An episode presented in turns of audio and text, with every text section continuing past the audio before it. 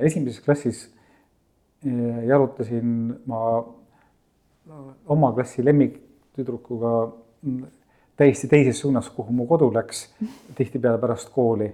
ja ühel hetkel siis, kui ma siis siiski pöörasin kodu poole, oma mõtetes jõudsime arusaamisele ja teda ma armastan, ütles siis nagu esimese klassi poiss endale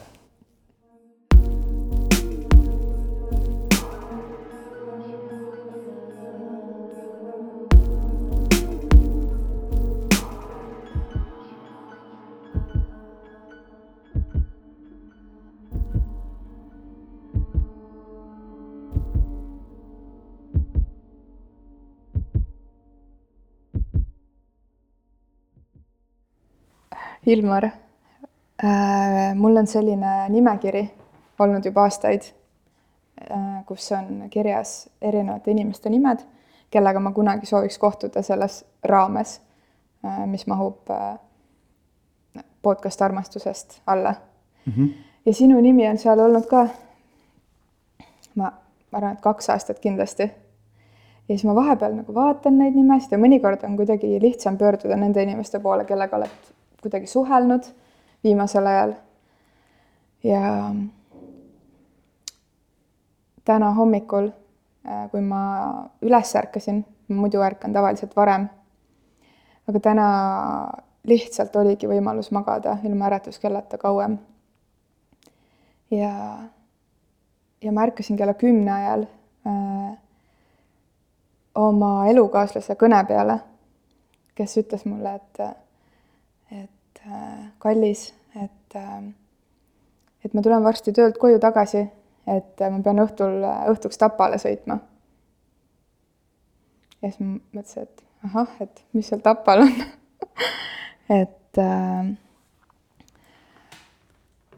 et on selline aeg, kus mehed saavad kõnesid ja mõnikord naised ei teagi, et mis kõned need sellised on. ja mul käis kümne minuti jooksul läbi kuidagi erinevaid tundeid või hetki ja siis veel lainetes paari tunni jooksul veel mingisuguseid tundeid, mida ma ei olegi kuidagi naisena tundnud. Äh, või siis olen, aga eri, erinevas kuidagi olukorras. ja üks äh, mõte või tunne, mis mul tuli, oli see, et ma tahaks Ilmariga nüüd salvestada, ma tahaks nüüd Ilmariga kohtuda, istuda maha ja rääkida. sest mina tean, kuhu ta läks. Sest et äh, nüüd on aeg rääkida armastusest nii, nagu, nagu näiteks sina võiksid vestelda. ja ja ma mõtlengi, et esimene küsimus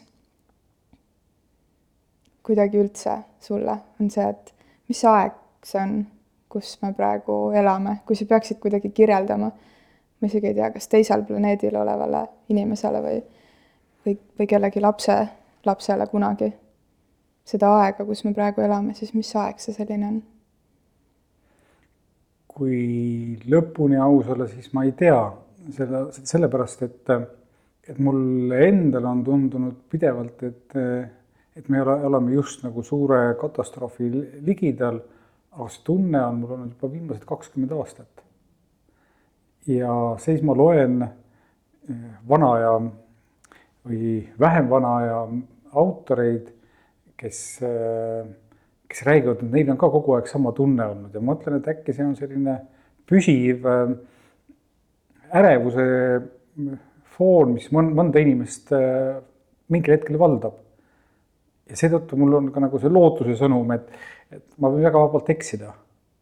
me võime seda vaadata hästi suurelt ja esitada küsimusi, et kas nagu maailma ajalugu ühel hetkel hakkab ikkagi kuhugi lõpupoole jõudma, kas viimne päev või noh, mida iganes, selline eskatoloogilist on liginemas. sellele ma nagu päris kindlasti osk-, oska vastata, et see on, see on nagu suurem spekulatsioonide teema ja ma nii suurde esoteerikamaailma ei, ei trügi.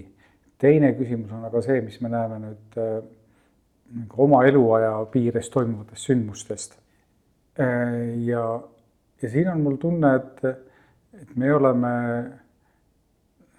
korduvatest nagu kriisidest ühe järjekordse kriisi eh, lävel küll, aga, aga veel kord ma ütlen, et noh, ei ole, ei ole lõpuni märki sellest, et, et see võib äh, väga suureks kriisiks minna.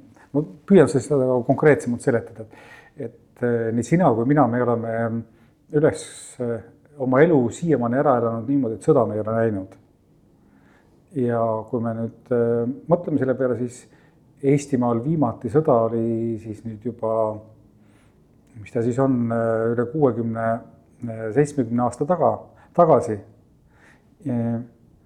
mõned inimesed ütlevad selle peale, et aga kust me teame, et, et nüüd järgnev kuuskümmend, seitsekümmend aastat on ka rahus või nüüd tuleb veel kakssada aastat rahu, et, et kuna ajaloos need vägivallatsüklid on nagu pidevalt taas ja taas tulnud, et, et kas, kust me teame, et inimesed on nii palju paremaks muutunud või ühiskonnad et midagi uuesti ei tule. ja see on võib-olla see, mis nagu seda minu ärevuse fooni pidevalt äh, alal hoiab. teisest küljest, kui, kui ma lähen nüüd siis nagu veel ratsionaalsemaks, siis ma ütlen, et noh, tegelikult Eesti on üks kõige turvalisemaid kohti ka nagu suure maailma mõttes, sellepärast et isegi kui me räägiksime siin Venemaa ja lääne vastasseisust, siis ega seda Eestit ei ole ei Venemaale ega ka läänele otseselt vaja. ehk et noh, kui, kui oleks nagu selline suur vastasseis, siis ta ulatuks ainult meile nii palju, kui suure mere või suure tormi nagu küllülainetus võiks ujuda. ma nüüd ei tea, see on suhteliselt ümmargune jutt, aga ma tahan öelda, et, et kas sa täna peaksid muretsema oma elukaaslase pärast siis ma pigem vastan, et ei pea. et noh, seda, seda otseselt äh, sellist sündmust silmapiiril, mille kohta luurajad ütlevad, et on tõenäoline, et tuleb, sellist asja nagu silmapiiril ei ole. aitäh, ütleb üks naine äh, ühele oma, oma vanale tuttavale, kes tuli kinnitama, et, et kõik on hästi ja toimetuse märkus siis kuulajatele, kes äh, Äh, seda tapa konnotatsiooni ära ei tabanud, et, et tegu oli siis äh, kaitseväe äh, nii-öelda kõnega või, või infoga. aga Ilmar, meie tegelikult teame vanast ajast, ülikooli ajast ja ma kirjutasin täna kirja oma kursusekaaslastele, sest ma proovisin meenutada ühte seika esimeselt kursuselt, mis oli seotud sinu kabinetiga Eesti Televisioonis. Ja, ja see kiri, mille ma kirjutasin, oli midagi sellist, et meil oli rebaste ristimine, äh, õppisime siis on ju audiovisuaalset meediat. Või noh, olime sisse astunud. Ja, ja meid kuidagi siis nagu ikka neid rebaseid solgutatakse linna peal äh, ringi. Ja mingil hetkel me siis pidime kuidagi ETV-sse sattuma ja, ja me ei saanud sellest kuidagi vihjest aru, et kuhu me nüüd peame minema ja mida tegema ja ja mingil het-, hetkel me siis sattusime sinu, sinu äh, tollasesse tuppa koridorid olid pimedad ja, ja midagi ei toimunud ja seal me siis istusime ja mõtlesime, et kus see järgmine vihje siis nendele rebastele on. sortisime natuke su riiuleid ja pro-, proovides natuke jääda, jääda kuidagi sellise austuse piiresse, sahtlitesse ei vaadanud, aga et, et kus see vihje siis on, milliste raamatu vahel või kus. ja istusime seal noh, ma arvan, meid oli viisteist pluss inimest su väikses selles toas ja ja ma täna kirjutasin, küsisin, et miks me sinna Ilmari tuppa sattusime ja mis me sealt leidma pidime.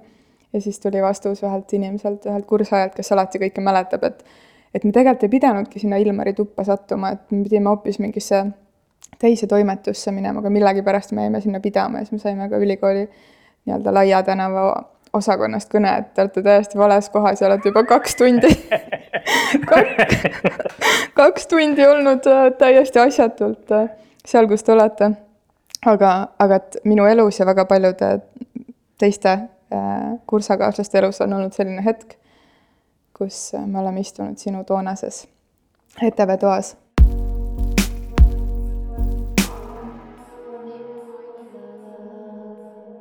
sa oled alati kuidagi lugusid jutustanud läbi erinevate meediumite, kas siis kuidagi läbi filmi või läbi sõnavõttude või artiklite või läbi oma muude tegemiste mm..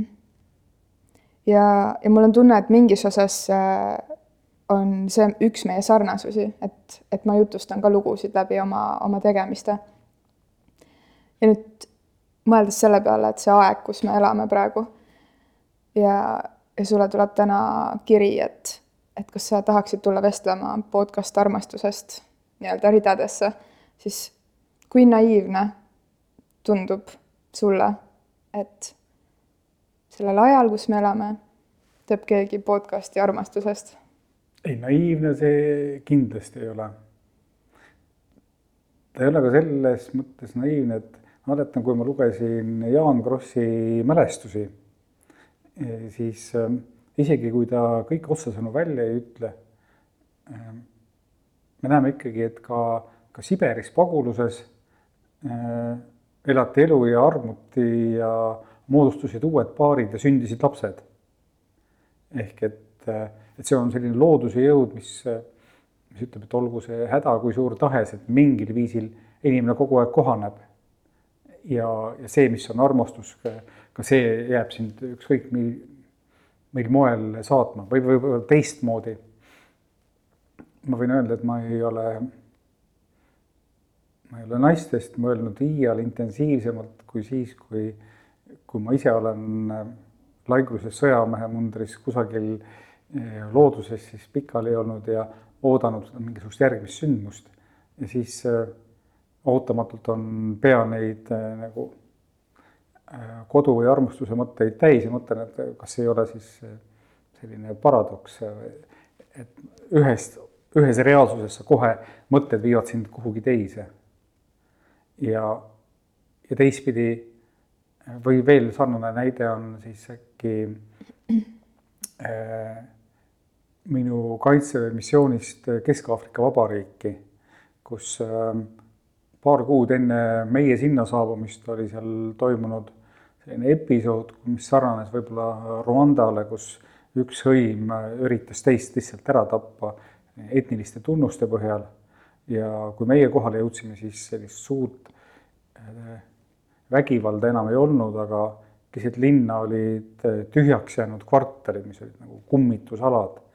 ja aeg-ajalt siin või seal, kus siis eemalt sellist tulevahetuse hääli laskusid.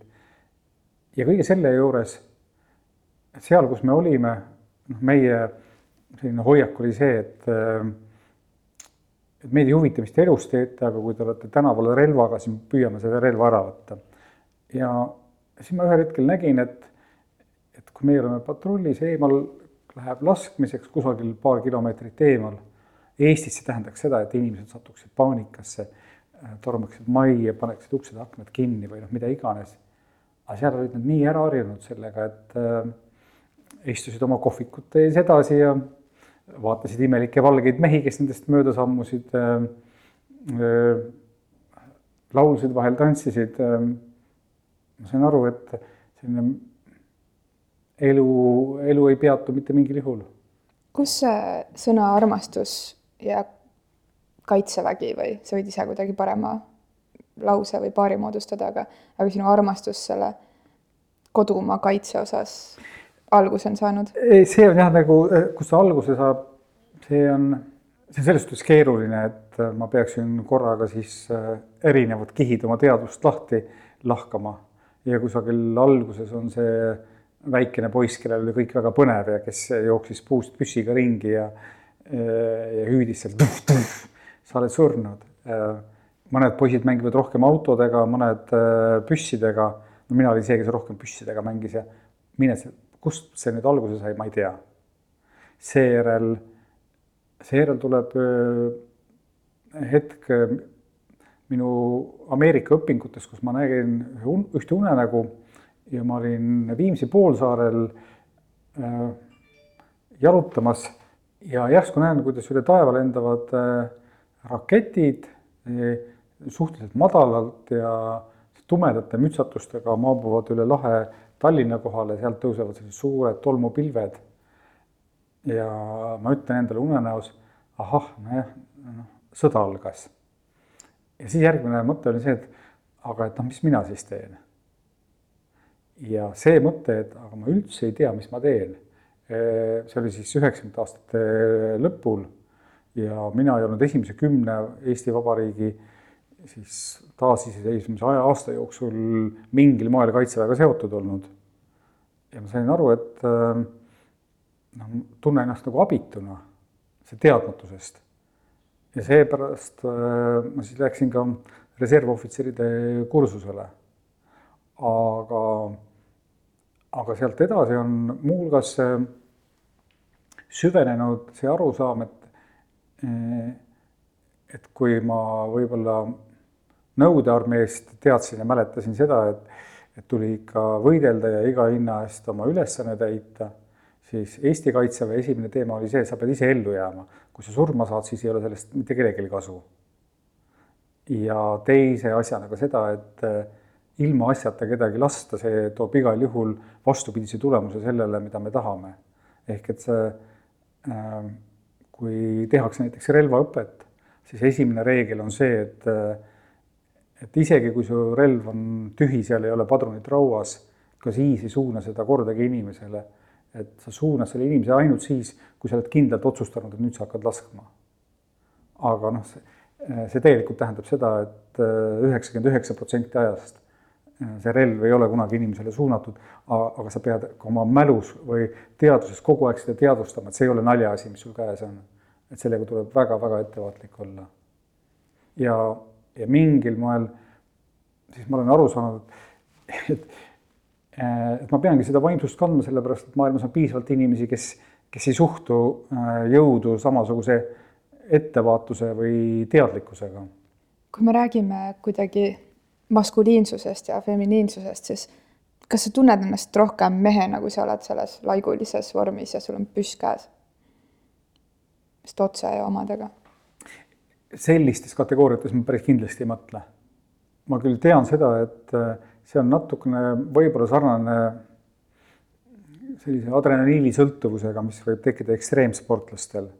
et sa tunned maailma teravamalt äh, kui, kui võib-olla lihtsalt maailmas, aga noh, ma ei oska nagu suhestada seda nagu mehelikkuseks kui nii üldse saab mõelda, ma tunnen, ma tunnen tegelikult hästi mõnusalt ennast praegu siin sinuga, ma tunnen turvaliselt, küsides mingeid selliseid nagu väikse lapse küsimusi ja need tulevad täiesti siiralt, et äh, mis sa arvad, kas äh,, kas mees, kes paneb endale, paneb endale äh, laigulised riided selga ja siis on selle püssiga valmis nii-öelda minema või, või kutse peal äh, äh kohale jõudma, on ju versus äh, mees, kes äh, ma ei tea, on mingil põhjusel ennast ära nihverdanud äh, kaitseväe kohustusest. kas, kas see isamaa armastus on võrdne või kuidagi nagu, või sa tunned, et, et sinu isamaa armastus on, on selle võrra suurem, et sa oled valmis ka teda sellisel moel kaitsma? see on minu meelest üsna ohtlik nagu mõtleviis, et sellepärast, et, äh, et Isamaal on vaja erinevaid inimesi. ja, ja ma tegelikult usun päris kindlasti seda, et, äh, et need, kes on liiga palju seal kaitseväe teemaga kõik, kõik kokku puutunud, omal moel äh, sandistuvad. väga huvitav on näiteks Leo Kunnase mõned raamatud. Leo Kunnas on siis erusõjaväelane, kellest on saanud ka kirjanik ja kirjutanud eh, nii hästi ulmekirjandust kui ka sellist eh, sõjandusega seotud kirjandust, aga siis ühes sellises eh, fantaasia raamatus, kus ta näeb ette Vene Föderatsiooni võimalikku rünnakut Eesti vastu, on see, on seal raamatus tema alter ego moodi tegelane, kes räägib ka koletisest iseenda sees ta ütleb, et ma saan aru, et mind on nagu praegu Isamaale vaja, aga et, et noh, tegelikult ma olen koletis, sest noh, äh, ma oskan seda ja, ja mõnel moel ma vajan seda.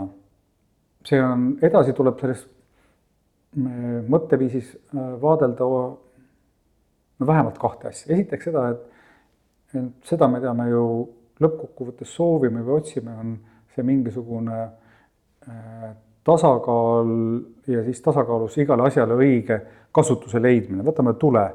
tuli on ühtemoodi meile väga vajalik selleks, et sooja saada või süüa soojemaks teha, aga teisest küljest tuli võib ära tappa. ja nüüd siis, kas sellepärast, et tuli võib ära tappa, me loobume täiesti tulest, ei, meil on seda teist poolt ka vaja. veega täpselt sama asi. ma arvan, et selle eh, jõu või vägivallaga on ka see teema, et et väga tore oleks, kui seda nagu üldse vaja ei lähe, aga paratamat-, paraku ei näe me, ei näe mina maailmas seda võimalust ette, et ei tekiks neid olukordi, kus, kus sa pead ennast kaitsma. ja nüüd siis tuleb seda nagu valmisolekut säilitada ühiskonnas kasvõi niimoodi, et hea küll, sul on mõned inimesed, keda sa üri-, üldiselt hoiad nagu kusagil kapis, et nad nagu ühiskond ära ei mürgitaks. aga kui vaja, siis, siis las nad teevad selle oma töö ära, mis iseenesest on noh, ikkagi lammutav. ja see viib nüüd nagu patsifismi küsimuseni. et kas siis, kas patsifism on parem kui siis see sõjamees? minu vastus on siis see, et ma, kui ma käsitlen jõudu eelkõige ja ainult nagu kaitse mõttes, et kui sa ei ründa, siis, siis sa võid olla patsifist kuni selle hetkeni, kui sa kujutad ette olukorda kus sinu kõige lähedasem inimene äh, on just, just langemas rünnaku alla. no marutõbene, marutõbine suur metsloom on teda ründamas või see mingisugune arusaamatu äh, kurjategija, kallaletungija, kes äh,, kellest sa ei saa aru, miks ta ründab, aga fakt on see, et ta ründab. võib-olla on tal mingisugused täiesti arusaadavad põhjused äh, keemiaga on aju ära äh, põletatud ja noh, ühesõnaga me ei tea, mis selle, mis selle ründaja peas on. aga selles vahetushetkes on, on fakt see, et ta ründab ja nüüd on sinu käes mingisugune võimalus, noh näiteks on sinu käes püss. Kui sa oled nagu lõpuni patsifist, siis sa ütled, et aga ma ei kasuta vägivalda ja ma lepin sellega, et ta praegu tapab mulle kõige, minu kõige lähedasema inimese. sest ma ei saa ma pean selle äh, äh, juhtunuga leppima, sellepärast et ma põhimõtteliselt mitte kunagi ei kasuta vägivalda. sel puhul siis mina mõtlen, et, äh, et ma astun siis teisele poole, ütlen, et, et see ongi nagu ainukene õigustus äh, sellele, et, et ma oskan relva kasutada, et sel hetkel, kui mulle kõige lähedasema inimese elu on ohus ja ma nagu päästan ta sel hetkel ära ja, ja sellisena, sellisena ma tunnistan, et jah, et ma ei ole, et ma just nagu ei ole patsifist, aga ikkagi ma tõmban selle koha, seal ühe piiri ja see piir on see, et et kas on enesekaitse või ei ole. kuidas äh, õpetada oma lapsi äh, koolis, et kui keegi tuleb pidevalt koju ja, ja, ja jõuab see info ka koju, tihtipeale ei jõua, on ju, aga kui jõuab, et, et keegi saab kogu aeg mingi obaduse kuskilt kas, kas sina oma last õpetaksid ennast kaitsma samamoodi füüsilise vägivallaga või et nagu, et, et näita talle koht kätte, kui, et ära kunagi alusta, aga, aga, aga kaitse ennast või, või nagu, et targem annab järele, on ju. Mis, mis see seisukoht on? mul on vist praegu nagu tohutult vedanud, et, et mu, et ma ei ole kuulnud, et mu poeg oleks ise see lööja või nagu ründaja olnud ja ta ei ole, ta ei olegi tegelikult nendesse olukordadesse sattunud, see ei ole just nagu ei ole probleemiks olnud. toi-toi-toi, ütlen ma selle peale, aga äh, nüüd selline huvitav asi, et kui, et kui siis äh, selles sõjamehe eetikas või samurai eetikas jõuda kaks sammu edasi või jõuda nii-öelda järgmisele tasemele, siis äh, suuremad äh, ka sõjafilosoofid ütlevad, et parim võit on see, mille pärast sa ei võitle. või noh, parim, parimal viisil sõda võita on niimoodi, et sa ei pea sõtta minema. Ja selle mõte on see, et noh, ükskõik kuidas sa lähed, igal juhul sa kannad mingisugust kahju, et see, sellest, mm, sellest ei pääse. tänapäeval, kui me räägime poliitika keeles hübriidsõdadest, siis hübriidsõja mõte on suuresti selles, et, et kui sa tood juba tankid ja kahurid välja, siis see maksab tohutul hulgal raha ja sa kaotad inimesi, keda sa enam kunagi tagasi ei saa ja ühel hetkel on see, kui midagi muud, raha, mis on sul järsku ära kadunud.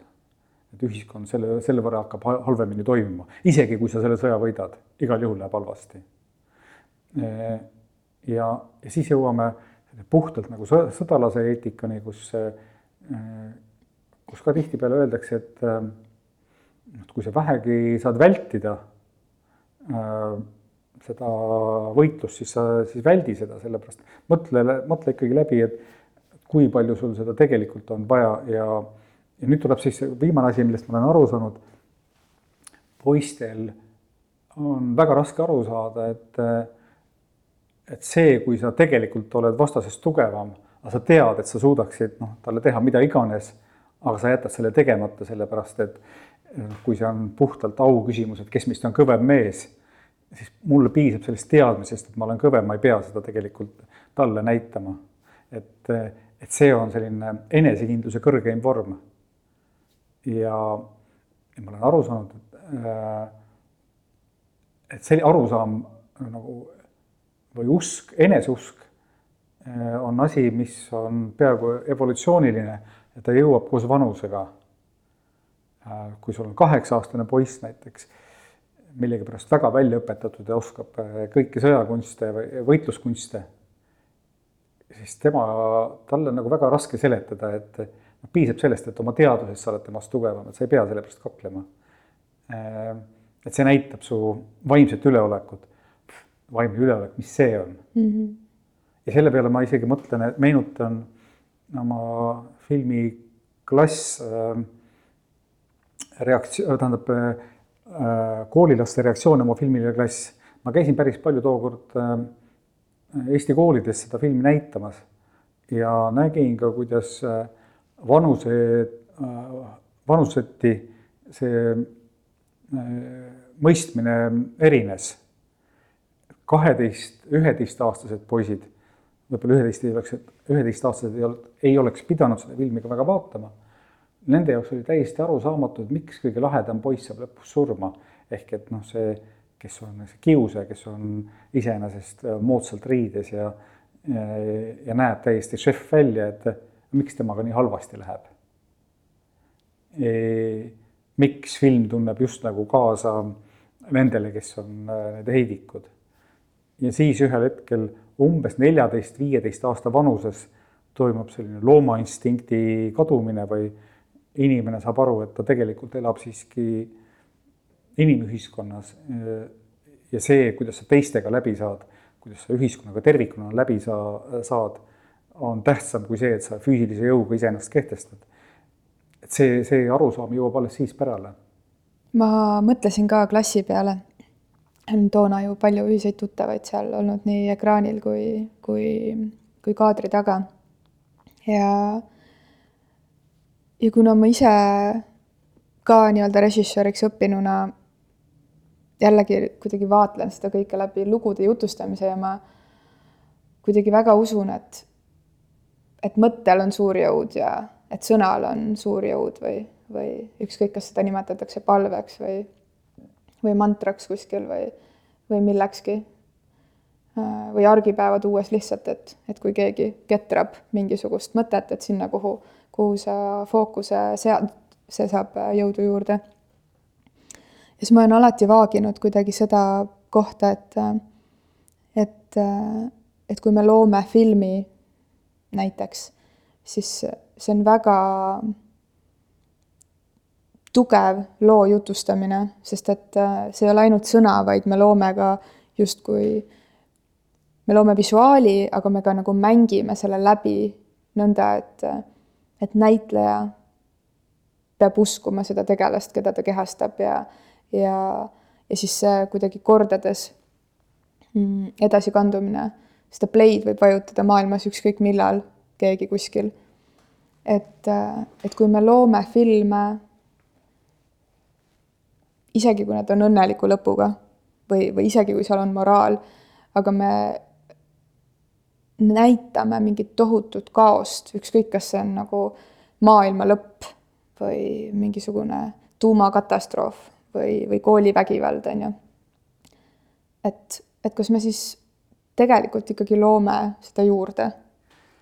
see on väga, väga raske küsimus, mis mind ennast on painanud enam-vähem klassist saadik. ja, ja ma olen ka mõelnud selle peale, et noh, kõigepealt seda, et ei ole võimalik teha filmi, mida kõik mõt-, mõistavad ühtemoodi. Nii nagu ma rääkisin, et vanuseti mm -hmm. see arusaamine erines. kuna seda filmi on näidatud maailmas päris palju, siis ma olen näinud ka riigiti või kultuuriti on seda mõistetud erinevalt. mis on tekitanud mulle siis küsimuse, et, et järelikult kui sa teed sellisest ohtlikust asjast filmi, siis, siis nagu plusspoolele jääb see, et, et nendest asjadest peab rääkima selleks, et, et selle, kas selleks valmis olla või seda ennetada. aga teisest küljest sa pead alati vaatama, et kas nende inimeste hulk, kes mõistavad seda filmi täpselt vastupidiselt sellele, mis sa soovisid, on lõpuks suurem, see nende inimeste hulgast kes mõistavad seda filmi nii, nagu sina autorina oleksid tahtnud. ja see on tegelikult ükskõik millise väljaütlemise või kommunikatsiooni teema. et ükskõik, mida sa ei ütleks, sina rääkides kõige ilusamast armastusest, sa võid kindel olla, et ühiskonnas on rusikareeglina vähemalt viisteist protsenti inimesi, kes mõistavad su juttu mingisugusel täiesti väärastunud moel. see, mida me saame võib-olla ette ennustada, on see on nagu valesti mõistmise hulk. ehk et äh, või kuidas me selle, ma toon sellise näite, et, ähm, äh, et päris hulk äh, mainstream filme flirdib sellise mõttega, et mis oleks, kui rööviks panka. ja siis saadakse aru, et noh, moraali mõttes see väga hea ei ole ja, ja üldse me ei saa nagu inimesi üles kutsuda panka röövima aga selle mõttega meeldiks ju mängida. Mm.. ja siis mõeldakse välja erinevaid stsenaarseid nippe, kuidas seda just nagu moraalselt õigustada, et noh, näiteks äh, seal ähm, on ema, kelle laps on äh, väga raskesti haige ja tal on vaja teha operatsioon, mis maksab tohutul hulgal raha ja ta leiab, et äh, selle, selle raha saamiseks ma võin panka röövida. ja siis edasi, siis unustatakse see ettekääne ära ja kogu ülejäänud film tegeleb puhtalt sellega, kui tore on panka röövida või autot varastada. sõdade, sõjafilmidega on enam-vähem sama asi, et, et kusagil püüdakse ettekääne leida ja siis mäng, samas mängitakse selle, selle võimalusega. No ma arvan, et äh, sellisel viisil see nüüd natukene jah, taastoodab seda äh, nagu valmisolekut mingisuguses kaose olukorras äh, täpselt seda teha, mis meeldib. aga kui küsimus on jälle teistpidi, et kas vägivald filmides tekitab vägivalda elus, siis ma siin ütlen stopp, stopp, stopp, nüüd, nüüd vaatame seda natukene teistmoodi. et inimene kõige enam laseb ennast mõjutada vahet, oma vahetust keskkonnast, mis ta ümber on. ja need viha või, või raevuhood, need on, need on ikkagi noh, eelkõige sinu enda psüühikast või või sellest olust, kus sa elad parajasti kinni ja see, mida film suudab teha, ta suudab pakkuda võib-olla vormi sellele, äh, kanaliseerida seda, aga ta ei ole põhjus. ma toon siinkohal ka veel ühe näite, et äh, sellest samast klassist, mis mind pani väga, väga tõsiselt mõtlema, et kirjutati äh, ühest Eesti koolist, kus mingisugused ka sellised pigem kolmeteist, kaheteistaastased poisid olid imiteerinud, matkinud äh, klassifilmi ühte kõige räigemat äh, stseeni. ma kuulen seda, mõtlen, et kuidas see on võimalik, et noh, ikkagi jällegi täpselt vastupidine sellele, mida ma soovisin, vastupidine sellele, mida kuueteist, kaheksateistaastased äh, koolilapsed mulle kirjutasid, kes said filmist aru nii, nagu mulle, me, mulle sobis. et kuidas see võimalik on? mõne aja pärast olin ma juhtumisi sealsamas koolis see oli nagu erivajadustega lastekool.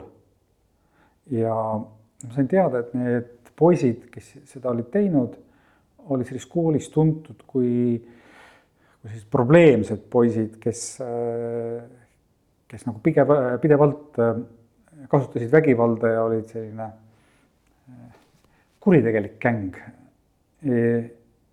ja nüüd siis oli, nüüd siis see tõstatas olulise küsimuse, et, et kui nad ei oleks klassifilmi näinud, teades seda, mida nad eelnevalt olid kogu aeg teinud, kas me arvame, et sel päeval nad oleks oma mustri järsku katkestanud ja sel päeval nad ei oleks seal kedagi kiusanud?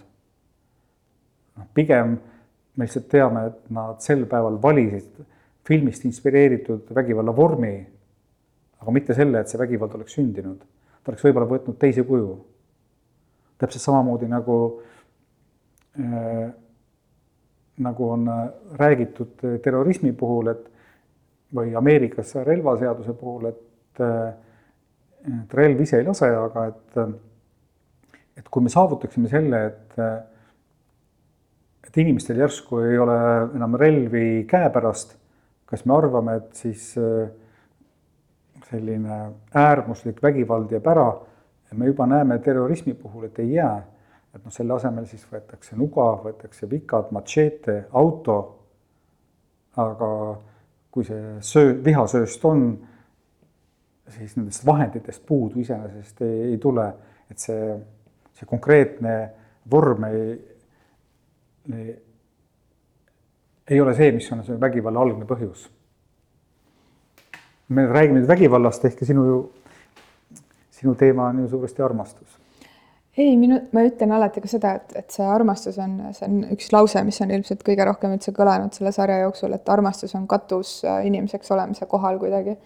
et, et selle all saab rääkida ka näiteks vägivallast, aga ma tõesti märkasin, et, et sõna vägivald äh, käis äh, viimaste minutite jooksul su lausetest hästi läbi ja, ja ma liiga palju ennast äh, ei ole pidanud meediaga kursis hoidma praegu, sest ma ei tee ühtegi mingit projekti ja, ja ma kuidagi heas mõttes saan äh, harida oma, oma hinge ja, ja toita kõige muuga äh,. ja ma olen tänulik selle eest ja kui jälle on mingi tegemine, mille ma valin, siis ma viin ennast kurssi mm,.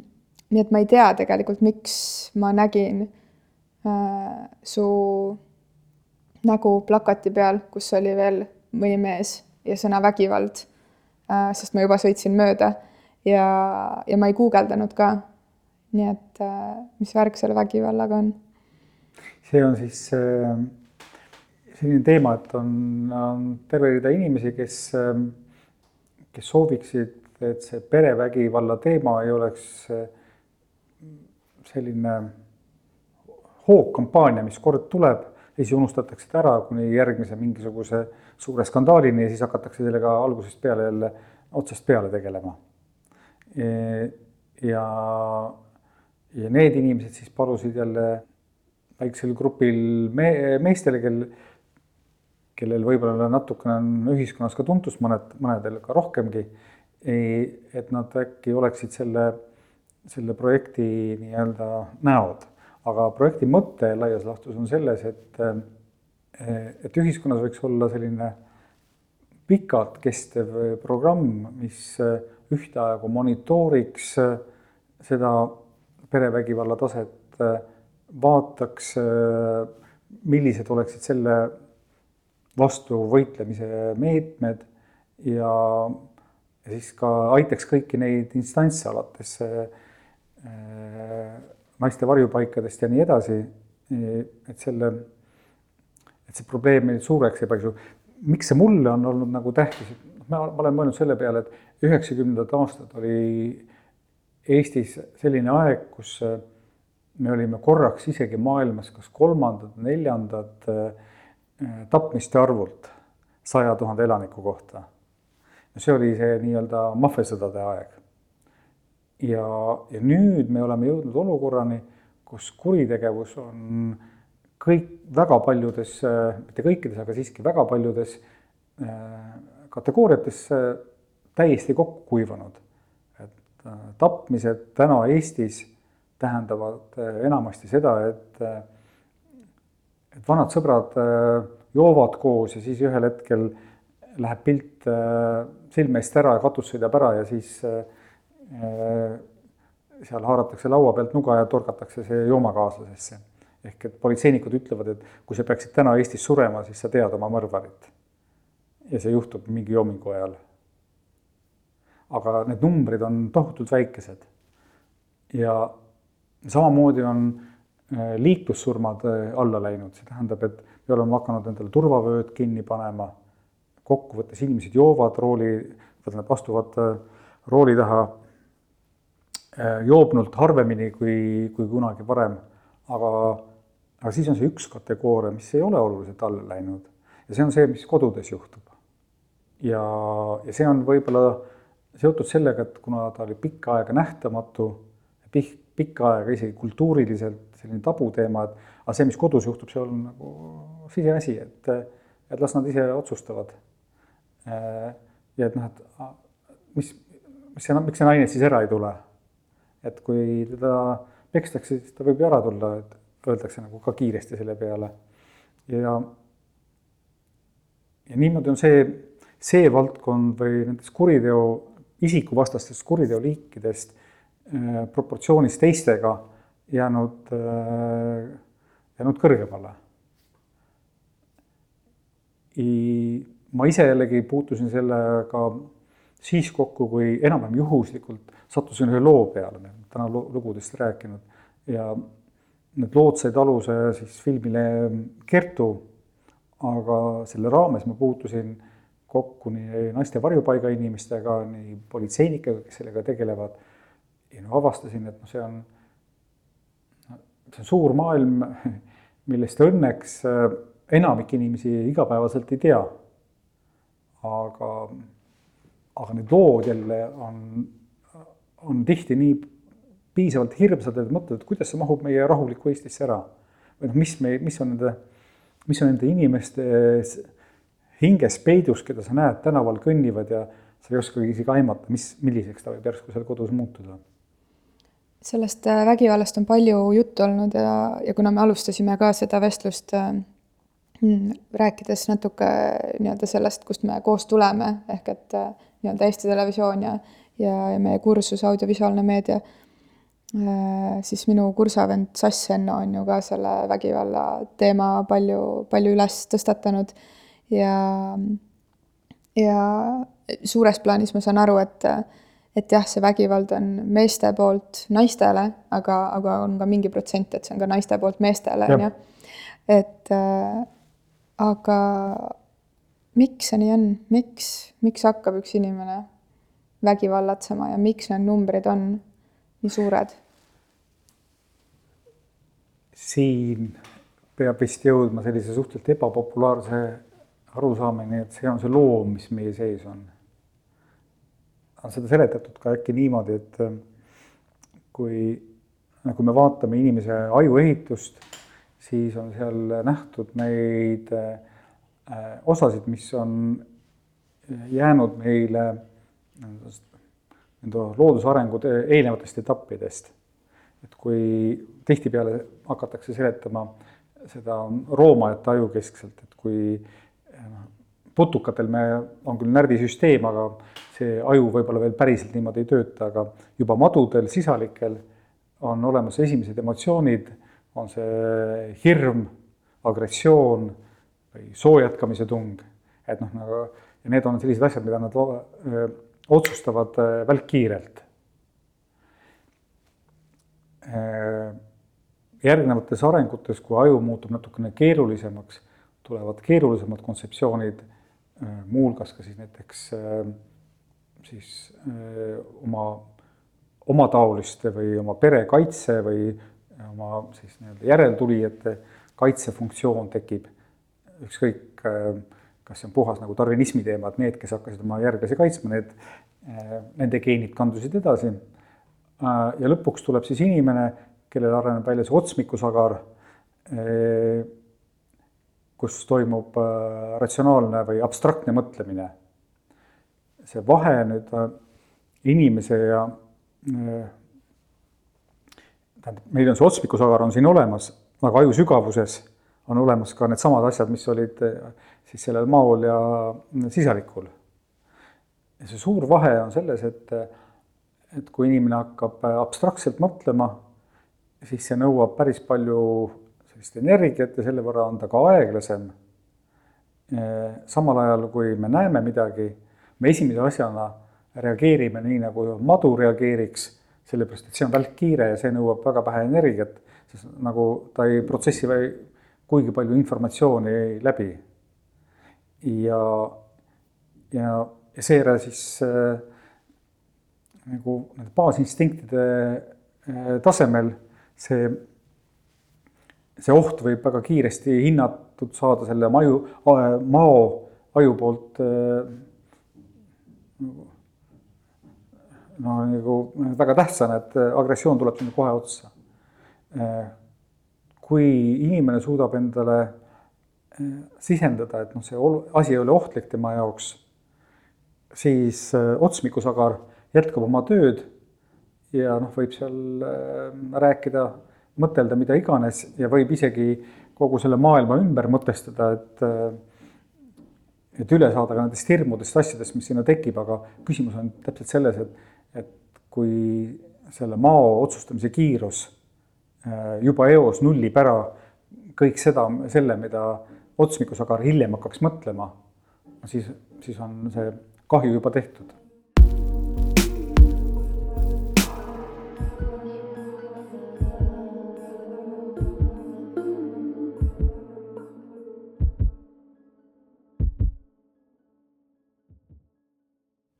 Kuna me selle jutuga ja see, kuhu me praegu jõudsime, tuli sellest äh, nii-öelda kampaaniast, et on viimastel aastatel olnud ka väga palju selliseid vaimse tervise, vaimsele tervisele fookust tõstvaid kampaaniaid äh,.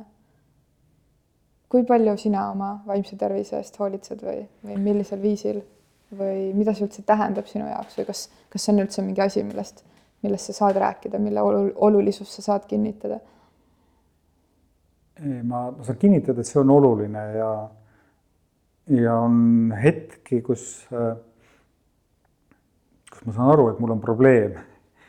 Äh,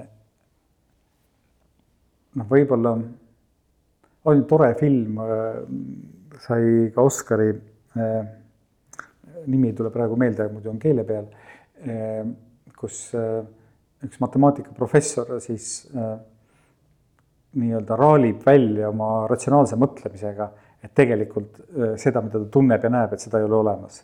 et järelikult ta eksib, järelikult tal on see nagu tõsine vaimuhaigus. Äh, noh, selline skisofreenia moodi asja ma nüüd, ma arvan, et ma iseendal ei näe ja seda enam, et äh, mis vaimuhaigusesse puutub, siis mulle meeldis üks raamat Madness Explained, kus Briti psühhiaater seletab, et seda vaimset probleemi on selles suhtes raske diagnoosida, et, et, et keegi meist ei ole lõpuni normaalne või mida see tähendab, see tähendab kusagil äh, seda kohta, kus äh, neid näitajaid, mis on kõikidel inimestel enam-vähem sarnased äh,. ja siis me loeme ebanormaalseks seda, kui need näitajad lähevad kas ühele või teisele poole äärmustesse äh,. aga oluline tema mõttes oli sealt edasi see, et et see vaim, vaimne tervis muutub oluliseks sel hetkel, kui see ebanormaalsus hakkab inimest piinama või häirima. et kui ta kannatab selle pärast ja tema autor, kes on siis arst, ütleb, et noh, see, mille, mille nimel me siis tegelikult võitleme, et inimene ei kannataks. kui mul on olnud selliseid hetki, kus ma mõtlen, et noh, et see norutunne, see ei saa enam normaalne olla või see väsimus, mis selle norutundega kaasneb, et see on, see on noh, peaaegu nagu selline depressiivne teema, et äh, et mis siis nagu edasi saab äh,, siis ma möönan seda, et et esiteks mitte, mitte kõik meist ei pruugi iseenda analüüsiga äh, niimoodi tegeleda.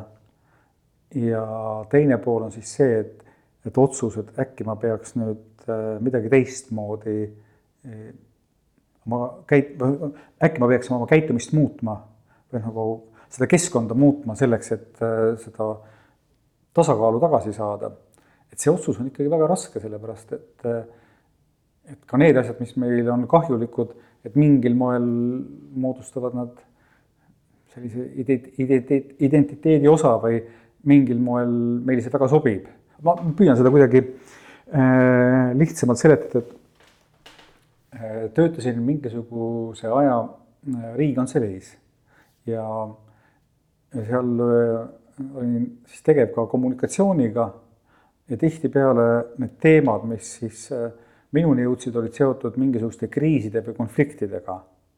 mis tähendab ka seda, et, et sa ka ise ärritusid või läksid sellesse voogu, ehkki peamine ülesanne on alati seda äh, pinget alla saada või deeskaleerida konflikti.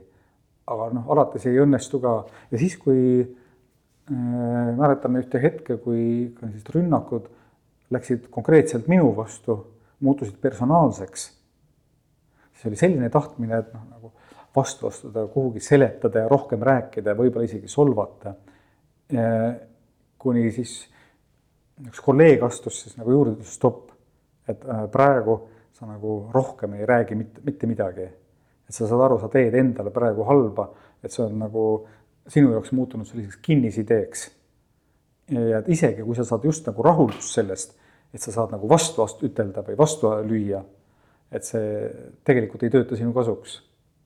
noh, millise, mis selle jutu moraal on, on see, et sul peavad olema head sõbrad, keda sa usaldad, kes, kes näevad ka sinu selle nii-öelda vaimse probleemi ära. ja kes oskavad siis nagu selle õigel hetkel selle mingi õige soovituse anda. on sul mingi tehnika endal ka näiteks äh kuna ma ise olen äh, viimastel aastatel lihtsalt puhtalt äh, ei õpeta kuidagi hingamist ise, aga lihtsalt enda jaoks õppinud kuidagi erinevaid hingamistehnikaid või proovinud leida sealt mingisuguseid häkke, mis aitavad mul midagi avastades, siis äh, ühe tuttava biohäkkari äh, artikli kaudu jõudsin, ma ei mäleta, kas see oli mingi square breathing, mis on USA Navy sõjaväelastel isegi nagu mingi hingamisharjutuse, et, et, et hingad hoiad kinni ja, ja ma ei mäleta täpselt, kuidas seal oli sekundite arv. Et kas sul on endal mingi tehnika, mida sa kasutad? Või nagu, et kas sa teed äh, ma tean, et sa teed sporti või oled vähemalt varem teinud, on ju, et kui sa tunned, et su pea on paks või et sa, et kui sa jääksid tuppa, on ju, et sa oled nagu, ma ei tea, halvel, halvem partner töös või eraelus, kui sa kui sa nüüd midagi ette ei võta, kas sa lähed loodusesse jooksma, kas sa -hmm. Kas sa lähed, seisad pea peal, kas sa võtad ühe kindla raamatu? Või? Äh, ma arvan, et mul on siis umbes kolm sorti vahendeid, see, millele sa nüüd kõigepealt vihjasid hingamisest, et see on selline hästi äkiline või ajakriitiline asi, kuidas kontrolli enese üle tagasi saada. Ehm, on küll üks, üks asi, aga ma olen ka seda väga harva kasutanud või noh, nii sellist olukorda tegelikult tuleb väga harva ette. ja see on selline kusagilt võitluskunstidest tulnud tehnika, mis, mille esmane ülesanne on tegelikult saada hingamine kontrolli alla. ja see näeb siis välja niimoodi, et siis püüad nagu sisse hingata, aga väljahingamist teed sa siis suu kaudu ja äh, noh, nii lõpuni, et, et üritad selle kopsu täiesti tühjaks saada. ja siis veel äh, käega tehakse sellist liikumist alla.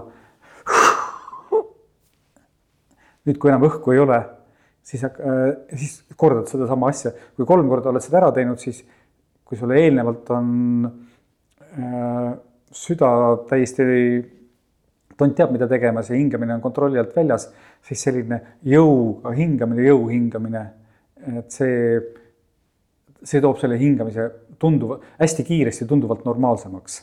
et see hing, hingeldamisest saad lahti. Äh, nüüd ma nüüd ei ütle, et see on selline mingisugune imeasi ja et õnneks ei ole mul ka sellist taolisi kriisihetki väga palju olnud. Äh, aga mis mulle tõepoolest meeldib, on on üsna klišeelik, et, et mulle meeldib siis äh, minna pikale loodusmatkale, mida nagu mitu päeva on võimalik teha.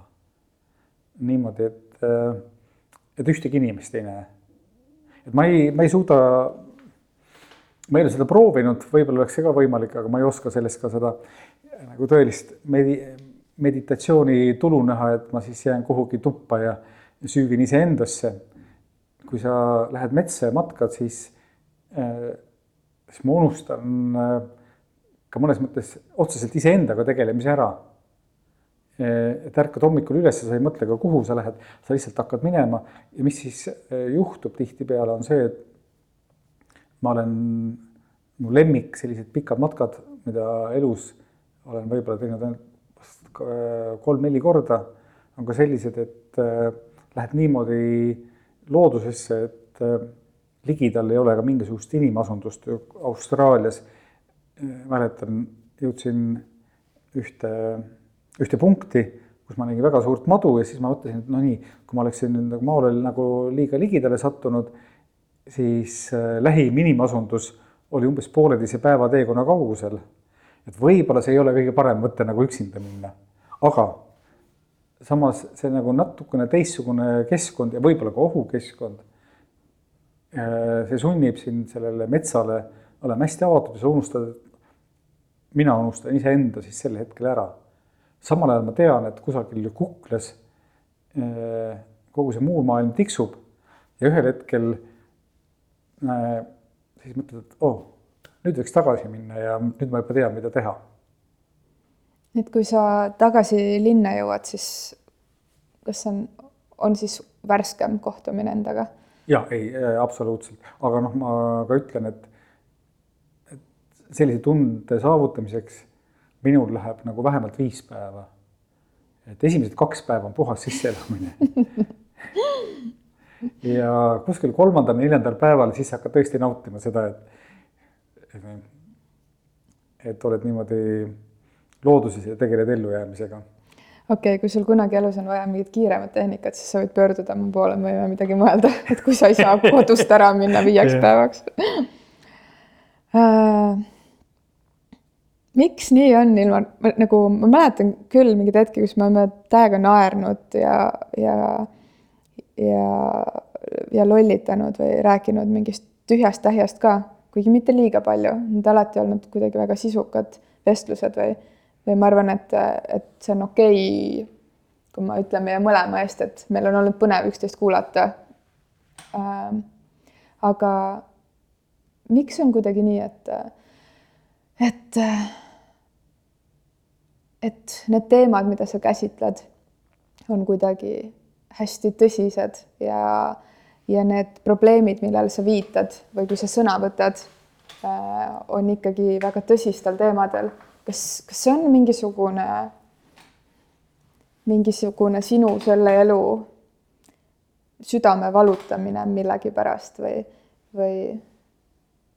võib-olla on see vaimse tervise probleem, ütlen ma siis praegu naeratusega näol, sellepärast et äh,